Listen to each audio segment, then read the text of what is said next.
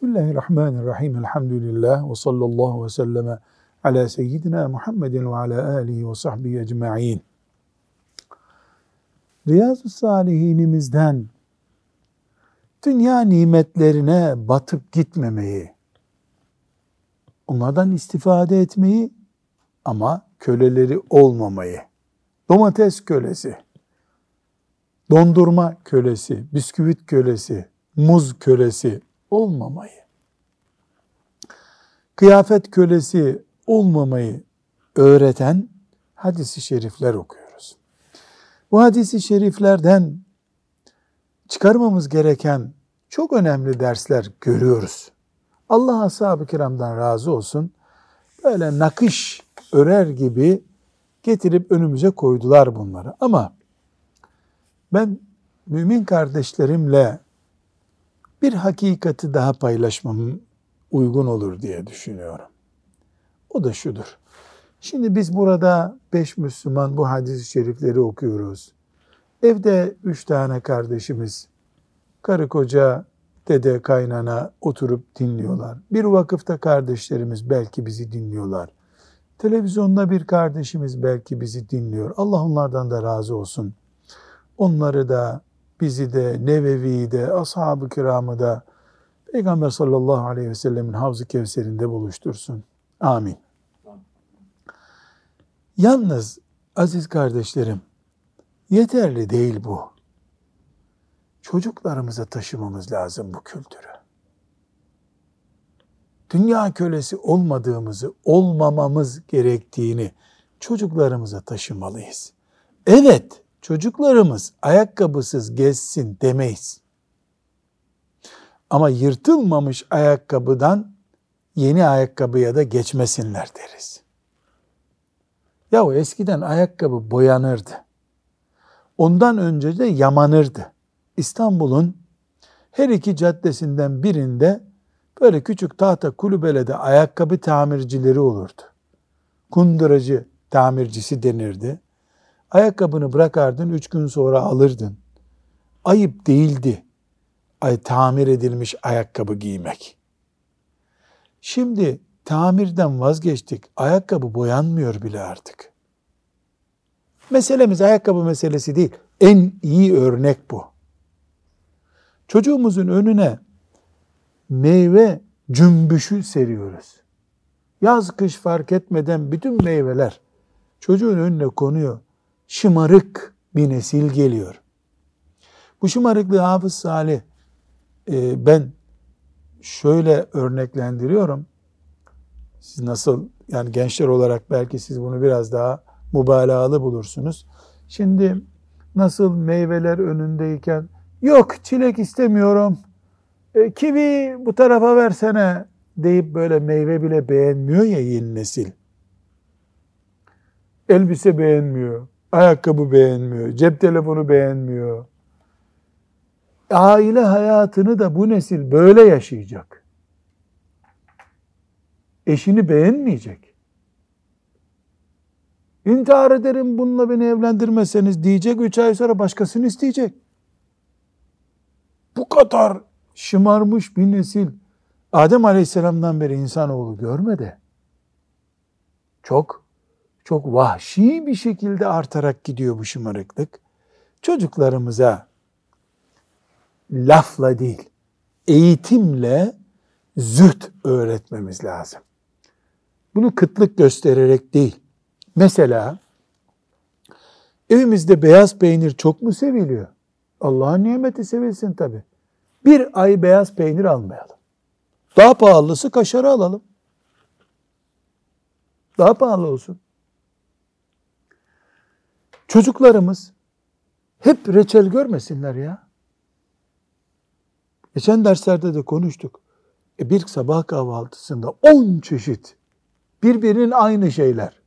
Ekmeğin kızarmışı, tost olanı ve normal ekmeği. Bu buna şeytan bile dayanmaz, azar yani. Şeytan azgınken bir daha azar. Bir nimet eksikliği olmasın evimizde azmanlığı da olmasın. Her aile kendi çapında bunun ortalamasını bulmalı. Çocuklarımızı da izah etmeliyiz yavrum. Biz hayvan değiliz. İnsanız. İhtiyaç için yeriz. Süt vermek için yemeyiz biz. Bu farkı çocuklarımıza anlatalım. Sonra bu çocukları doyuramayacağız biz. Kimse doyuramayacak. Eş beğendiremeyeceğiz. Ev beğendiremeyeceğiz. Dost beğendiremeyeceğiz. Ana baba beğenmeyecekler. Allah ashab-ı kiramdan razı olsun. Bizim yaşadığımız onlar yaşasa onlar bile bozulurdu herhalde ya. Bu azgınlık, bu bolluk ashab-ı kiramda olsa onlar da kaçar giderdiler. Çok büyük bir imtihan. Çocuklarımıza kesinlikle bir zühd yani dünya nimetlerine köle olmamak. Paramız var, yok değil. Ama bir disiplinle yaşayacağız yavrum demek lazım. En azından evlenip kendileri yuva kuruncaya kadar. Bunun için diyoruz ki yani e, çocuğumuz bebekken elbette ona kuş tüyü gibi yataklar yapacağız. Ama yavaş yavaş hayata da ısınsın. Hep patik almayalım. Ayakkabı giymeye başlasın sonra. Ara sıra da kalın kumaştan giyinsin canım. Niye hep ince tül gibi şeyleri giyiniyor? Bir miktar hayatın sertliğine çocuğumuzu alıştıralım. Mesela ben baba olarak yaptım, tavsiye de ediyorum. Yani insan çocuklarıyla bir ormana gidip işte arabayla götürüp burada araba hararet yaptı herhalde ya. Biraz kalıp arabayı dinlendireceğiz deyip şöyle bir iki üç kilometre ormanda yürütüp bu dünyada arabasız da gidilebileceğini bir yere öğretelim. Misal yani. Çocuklarımız ayağını çıkarsa bir dereye ayakkabısız bassa herhalde elektrik çarptı zannedecek. Yani çocuklarımızı daha böyle hayatın dengesine uygun bir e, yaşama ısındıralım. Hep böyle yaşasın değil. Bunu da bilsin çocuğumuz. Hep pamuk gibi ekmek yenmez. Bazen de ekmeği gırt diye ısırman lazım. Mesela soyup elma niye veriyoruz çocuğa? Zehir değil bunun kabuğu. Patates kabuğu değil bu neticede. Kivinin kabuğu gibi de değil. İnce doğrayalım, kabuğuyla yesin. Başka bir zaman soyalım. Muz değil ki kabuğu yenmez. Örnekler veriyorum, böyle yapalım demiyorum. İki, adamlık öğretmemiz lazım çocuklara. 22 yaşında üniversite bitirmiş bir kız istendiğinde annesinin cevabı ne oluyor? Henüz kızım gelinlik yapacak çağda değil diyor. Ne kastediyorsun? E yani daha yemek yapmasını bilmiyor. Ne zaman öğrenecek bunu? Bakkala gitmeyi, ticaret yapmayı, para üstü almayı bilmeyen üniversite mezunu delikanlı olur mu ya? Bir miktar adamlık öğretmemiz lazım. Bir miktar hayat ciddiyet ister. Hep böyle baban getirecek, anan pişirecek, sen ayak üstüne atıp yiyeceksin. Olmaz böyle. Bir gayret gerekir. Mesela apartmanda haftada bir gün altıncı katta oturuyoruz. Asansör kullanmayacağız bugün çocuklar deyip ya bir altıncı kata asansörsüz çıksın çocuk. Bu kalp hastası değil. Solunum sorunu yaşayan bir çocuk değil. Bu, bunları örnek veriyorum. Böyle yapılırsa sevaptır demiyorum. Ama bu hadis-i şerifleri niye okuduk öbür türlü eğer böyle yapmayadiysek? Bu hadisler ashab-ı kiramın canlı yaşadığı şeyleri bari biz öyle senin şimdi 3 yaşında çocuğun var ona bunu yapamazsın. Ama 8 yaşındaki çocuğuna Yapabilirsin. Oyun diye yaparsın. Çıplak ayakla en iyi koşana iki bisiklet turu dersin mesela. Aman Allah'ım. Çıplak ayakla banyoda duramaz bizim çocuklarımız. Yani kale bodura basamazlar ya. Terliksiz dolaşamaz çünkü.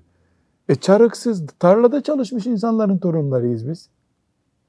Bırak ayakkabıyı ya, çarıksız. Ben bizatihi Annemden dinlediğim hatırayı naklediyorum. Annem 17 kilometre köyümüzle ilçemizin mesafesi senede üç defa şehire iniyorlar. Gaz yağı alacaklar lamba için. Tuz alacaklar. Ve işte kumaş eksiği varsa bir şey onu yeni bebek doğdu ona bir kumaş alacaklar patiska. Böyle yoksa para nerede harcıyorsun? Annem dedi ki sepetle iniyorlar tabii. Yol 17 kilometre yürünüyor. Sabah namazından önce çıkıyorlar. Dükkanlar açılınca yetişiyorlar e, oraya. Dağ iniyorlar. Akşam namazı olmadan, karanlık basmadan köye gelecekler. Şimdi yaya yürüyorlar. Bazılarının çarığı olurdu diyor. Bunlar yaya yürümüşler. 16,5 kilometre. Şehire yaklaşınca Trabzon lastiği diye bir lastik vardı siyah. Onu giyiyorlar. Ana bunu niye giymediniz? 17 kilometre taş, çakıl, dikenli yol. Eskir oğlum. Bir lastikleri var. E bu neslin çocuğuyuz biz. Yani derler ki kestanenin dışını gördünüz mü? Kirpi gibi bir şey. Kendisi kestane ilk çıktığında parlıyor böyle cilalı gibi. Kestane, onun Rumca adı kumuç. Kirpi gibi şeyin. Çıkıp aa bu ne pis bir şey dermiş. Kendi kabuğu aldı ki biz böyle çocuklar, insanların çocuklarıyız. Elhamdülillah Allah verdi. Ayakkabı giyeceğiz artık. Hem 17 kilometre kimi yürütüyorsun? Sırtında sepetle. Sırtında sepetle kimi yürütüyorsun? Ama elhamdülillah var. Şükürler olsun. Ee, bari bu nimetler bizi Rabbimizden soğutmasın. Dünya kölesi yapmasın. Çocuklarımızı bir tür böyle bir eğitimi almamız gerekir diye bunu söylüyorum. İkincisi lüks yaşantı her zaman haram değildir. Ama lüks bir tehlikedir. Emerna mutrafiha fefesekû fîhâ fehakka aleyhel kavlu fedemmernaha tetmira. Allah helak etmek istediği zaman bir yöreyi ne yapıyor? Lüks yaşantısı olanları devreye sokuyoruz diyor. Emerna mutrafiha. Onlar da lüks içinde israf, fisku, fucur yayılıyorlar. Kanun gerçekleşiyor bu sefer. Allah'ın nimetleriyle eğlendiler, israf ettiler. Temmerneha tetmira. Dolayısıyla lüks bir tehlikedir. Bu tehlikeye karşı hepimiz dikkatli olmalıyız. Ama mesela Müslümanın pahalı bir arabaya para vermesi haram değildir. Daha fren sistemi güçlü. Daha yakıtı az. Daha çarpınca içeridekine karşı can güvenliği oranı yüksek. Buna para vermekte bir sakınca yok. Sadece gençlik züppelsi böyle bir tur atıyor bununla, egzozu daha çok gürültü çıkarıyor diye para veriliyorsa e, bu ümmeti Muhammed'e yakışır bir şey değil. Bu ümmeti Muhammed'e yakışmıyor. Bunu tehlikeli buluyoruz. Bir başka mesele ailemizle ilgili neler, çocuklarımızla ilgili neler yaparız? Bazı babaların yaptığı çok yanlış. Nimeti böyle dilim dilim çocuğa vermek. Mesela 10 gram peynir yeter. Caiz değil bu. Çocuğun gıdasını azaltmak yanlış. Ama bir dengede olmalı. Kudurmuş bir e, yemek çılgınlığı asla e, doğru değil. Bir tür yemek projesi oluşturabiliriz. Bugünkü diyetisyenlik kuralları da buna uygundur. Yani neredeyse diyetisyen kardeşlerimiz e, sünneti tarif edecekler. Ben bir gittim de size beş fındık tavsiye ediyorum dedi. Beş fındık yani beş fındık nedir? E hadis-i şerifte öyle diyor birkaç lokma diyor zaten. Büyük elma yemeyin diyor. Küçük elma yeter size diyor. E sünnete uygun elhamdülillah bunlar. Böyle bir denge kurulabilir. Bir başka mesele kendi çocukları içinde bile bir yardımlaşma sorunu yaşıyoruz. Herkes kendi tostunu alıp kenara çekiliyor. Zavallı kadın 30 senedir de o evde yemek pişiriyor. Annelerine bile yardım etmiyor insanlar. Ev içinde bir yardımlaşma ruhu bir. iki komşuluk arasında bir yardımlaşma ruhu. Üç, bütün müminler arasında yardımlaşma ruhu. Üzerine çocuk yetiştirmek lazım. Biz bunu daralta daralta filan yerde afet var. Oradaki Müslüman kardeşlerimize yardım göndermeye daralttık. Bu yanlış. Ev içinde de bir yardımlaşma e, olmalı. Bir başka bu hadis-i şeriflerden yola çıkarak işte e, bunu yapalım diye içimden geçen şey Resulullah sallallahu aleyhi ve sellemin ashabında görüyoruz. Onca kıtlığa rağmen bir cömertlik var. Kendi sanki bol kazanlar ziyafet doluymuş gibi bakıyorsun misafir çağırıyor. İkram özelliği. Yani cömert, kerim adam. Çocukken alınmalı bunlar. İleride iş sahibi olur, memur olur, o da insanlara verir olmaz bu. Nasıl yetiştiyse öyle devam edecek. Mesela bu cömertliğin gereği olarak da misafir bize yemeğe geldi diye mutlu olan çocuk yetiştirmek zorundayız. Mesela çocuk ağlamalı. Niye ağlamalı? Ben misafirlerin ikramını yapacağım diye. Bu gösteriyor ki çocuk misafirden hoşlanıyor. Misafirliğe gidenler de o çocukla ilgilenmeliler. O çok güzel oldu bu ikram. Mesela e, hiç unutamıyorum Salih Hafız bir yere bir misafirliğe gitmiştik. E, çocuğu bana getirmek istediler. Ben de dedim ki e, hoca amcanın sofrasını sen kuracaksın deyin ona. 10 yaşlarında bir çocuk. Böylece ben bir ilgi kurayım. E, tamam dediler. Çocuk getiriyor ama hayatında ilk defa tabak tutuyor. Böyle ilk, ilk eğitim 10 yaşında çok geç bu. Boş bardakları falan verip alıştırmak lazım 2-3 yaşından itibaren. E, çocuk gelirken yemeği fena bir şekilde döktü. Döker dökmez bıraktı her şeyi oturdu ağlıyor. Ben de kalktım şimdi o ağlıyor ama tabii rezil olduğunu düşünüyor. Döndüm babasına dedim ki bana da verseniz ben de bunu dökerdim. İnsaf dedim ya. Bu kadar yemek taşınır mı dedim. Sustu çocuk birden. Baktı gibi yanlışlık değilmiş. Çocuk sustu. Ben anneme dedim çok doldurdun dedim zaten dedi. Kızım annenin kabahati bu dedim. Sen götür daha az koysunlar getir onu dedim. Gitti yenisini getirdi. Babası orayı temizledi. Çocukla kontak kurduk. Sonra o çocuğu Kur'an kursuna gitmesine ikna ettim. Ben hafız oldu şimdi elhamdülillah. Yani e, bir misafirliğe giden de o çok güzel bu kadarını nasıl getirdin deyip teşvik etmeli. İnsanoğlu büyükler bile teşvikten hoşlanıyor.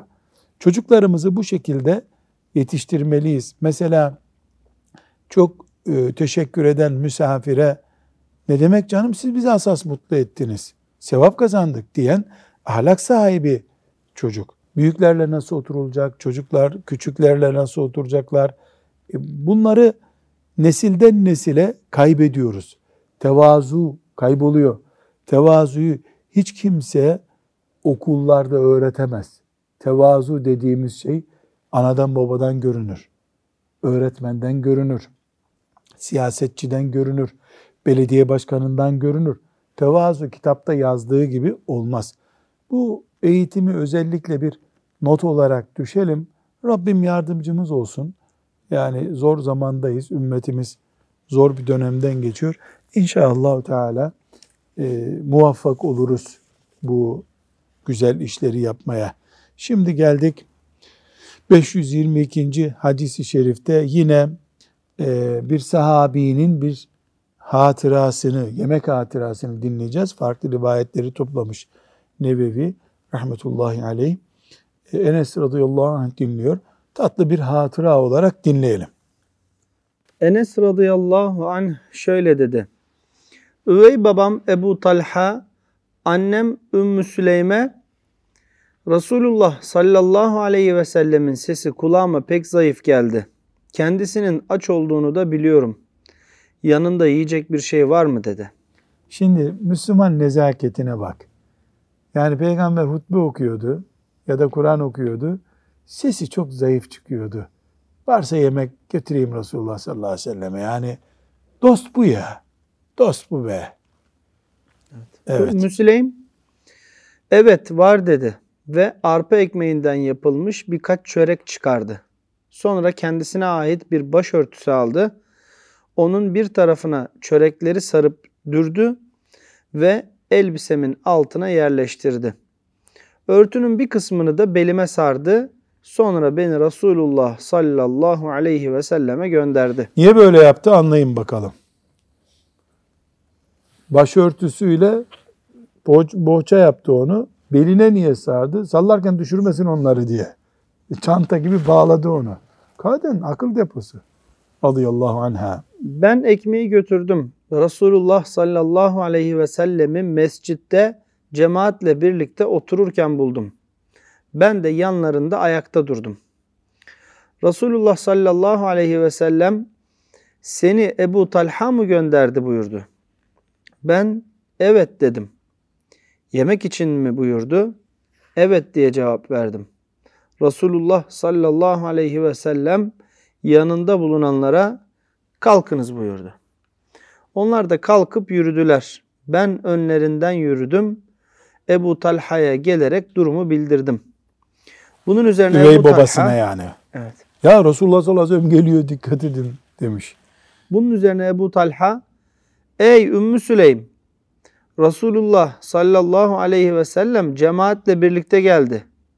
Oysa bizim yanımızda onları doyuracak bir şey yok dedi. Ümmü Süleym Allah ve Resulü daha iyi bilir dedi. Ebu Talha da hemen gidip Resulullah sallallahu aleyhi ve sellemi karşıladı. Resul-i Ekrem Ebu Talha ile birlikte geldi ve eve girdiler. Resulullah sallallahu aleyhi ve sellem Ey Ümmü Süleym yanında olanları getir buyurdu. O da bu ekmeği getirdi. Resulullah sallallahu aleyhi ve sellem emredip ekmekleri parçalattı. Ümmü Süleym yağ tulumunu sıkarak o ekmek parçaları üzerine yağ sürdü. Sonra Resulullah sallallahu aleyhi ve sellem de onun içine Allah'ın söylemesini dilediği duayı okudu. Ne dua okudu bilmiyoruz. Bundan sonra 10 kişiye izin ver buyurdu. Ebu Talha 10 kişiye izin verdi. Onlar doyuncaya kadar yediler. Sonra çıktılar. Resul-i Ekrem 10 kişiye daha izin ver buyurdu. Yani 10 kişi çağır. Çağır. Dışarısı dolu ya. Ebu Talha onlara da izin verdi. Onlar da yiyip çıktılar. Peygamber aleyhisselam bir 10 kişiye daha izin ver buyurdu. Neticede cemaatin hepsi yiyip doydular. Bu cemaat 70 veya 80 kişiydi. Allah Allah elhamdülillah. Bir rivayette de şöyledir. 10 kişi durmadan giriyor, 10 kişi de çıkıyordu. Neticede onlardan içeri girip karnını doyurmayan hiç kimse kalmadı. Sonra Ebu Talha sofrayı yeniden düzenledi. Bir de ne görsün? Yemekler sanki cemaatin yemeye başladığı andaki gibi duruyordu. Eksilmemiş yani. Bir başka rivayette şöyledir. Onar onar yediler. 80 kişiye böyle yaptılar. Sonra Nebi sallallahu aleyhi ve sellemle ev sahipleri yediler. Yine de artanını bıraktılar. Başka bir rivayet şöyledir. Sonra komşularına yetecek kadarını artırdılar. Enes bir rivayetinde de şöyle demiştir. Bir gün Resulullah sallallahu aleyhi ve selleme gelmiştim. Kendisini ashabıyla otururken buldum. Karnına bir sargı sarmıştı. Ashabından bazılarına Resulullah sallallahu aleyhi ve sellem karnını niçin sardı diye sordum. Onlar açlıktan diye cevap verdiler. Bunun üzerine annem Ümmü Süleym binti Milhan'ın eşi Ebu Talha'ya gittim ve ey babacığım ben Resulullah sallallahu aleyhi ve selleme karnını bir sargıyla bağlamış vaziyette gördüm. Ashabından bazılarına bunun sebebini sordum. Açlıktan olduğunu söylediler dedim. Ebu Talha annemin yanına girdi ve yiyecek bir şey var mı diye sordu. Annem de evet evde birkaç parça, evde bir parça ekmek ve birkaç hurma var. Eğer Resulullah sallallahu aleyhi ve sellem bize tek başına gelirse kendisini doyururuz. Eğer onunla birlikte başkası da gelirse onlara az gelir dedi. Sallallahu Sonra Enes hadisin tamamını zikretti. Evet. Şimdi burada bir kere daha e, bir mucizesini sallallahu aleyhi ve sellemin gördük. Ashab-ı kiramla beraber gözümüzün önünde bir film gibi izledik bunu. Bundan çıkan e, bir ders var. Demek ki Müslümanların evine arkadaşlarca toplanıp yemeğe gidilebilir. Bizim ecdadımızda yaygın bir şeydi. Fakat yakın senelerde bu kalktı. Onun yerine insanlar ikramı bir lokantada veriyorlar. Veya işte bir piknik yerine çağırıyorlar. Pastaneye çağırıyorlar. Bunun dinen bir sakıncası yok. İkram yap da yani bir Müslüman kardeşlik kuvvetlenmesi olsun orada da ne yaparsan yap. Ama sazlı, cazlı, müzikli, kadın erkek karışık bir yerde ikramında bir anlamı yok. Rezillik o. Yani Allah'ın haramlarından birini yapıp da sevap kazanacak halimiz yok. Böyle değilse bir sıkıntı olmaz. Ee, rahat bir şekilde e, Müslümanlar bir pastanede de bu ikramı yapabilirler. Bir lokantada yapabilirler. Bir evin bahçesini kullanabilir insanlar. Hiçbir sıkıntı yok. Ve burada Efendimiz sallallahu aleyhi ve sellem hadi gelin arkadaşlar Ebu Talha'ya yemeğe gidiyoruz buyuruyor. Bu biliyor ki Efendimiz sallallahu aleyhi ve sellem Ebu Talha bundan rahatsız olmaz. Ebu Talha'yı tanıyor. Bu öbür türlü caiz bir hareket değil. Burada fukahamız diyorlar ki eğer biliyorsa bu rahatsız olmaz hatta memnun da olur. O zaman bunda bir sıkıntı. Nitekim Ümmü Süleym ne diyor? Merak etme onun bir bildiği vardır diyor. O diyor onun bir bildiği var. O diyor ben bir bildiğim var. Böyle olabilir. Biraz bizim gençlikte hele yeni evlenene filan iki kişi randevu alırlar, 12 kişi giderler. Çok uygun bir hareket değil. Bu bir kabalık çeşidi. Bunu yapmamalı Müslüman. Ama şimdi iki arkadaş birbirlerini tanıyorlar. Nazı geçmek diye bir kavram var ya şimdi. Birbirlerine da bir sıkıntı yok. Ve sallallahu aleyhi ve sellem ala seyyidina Muhammed ve ala alihi ve sahbihi ecma'in velhamdülillahi rabbil alemin.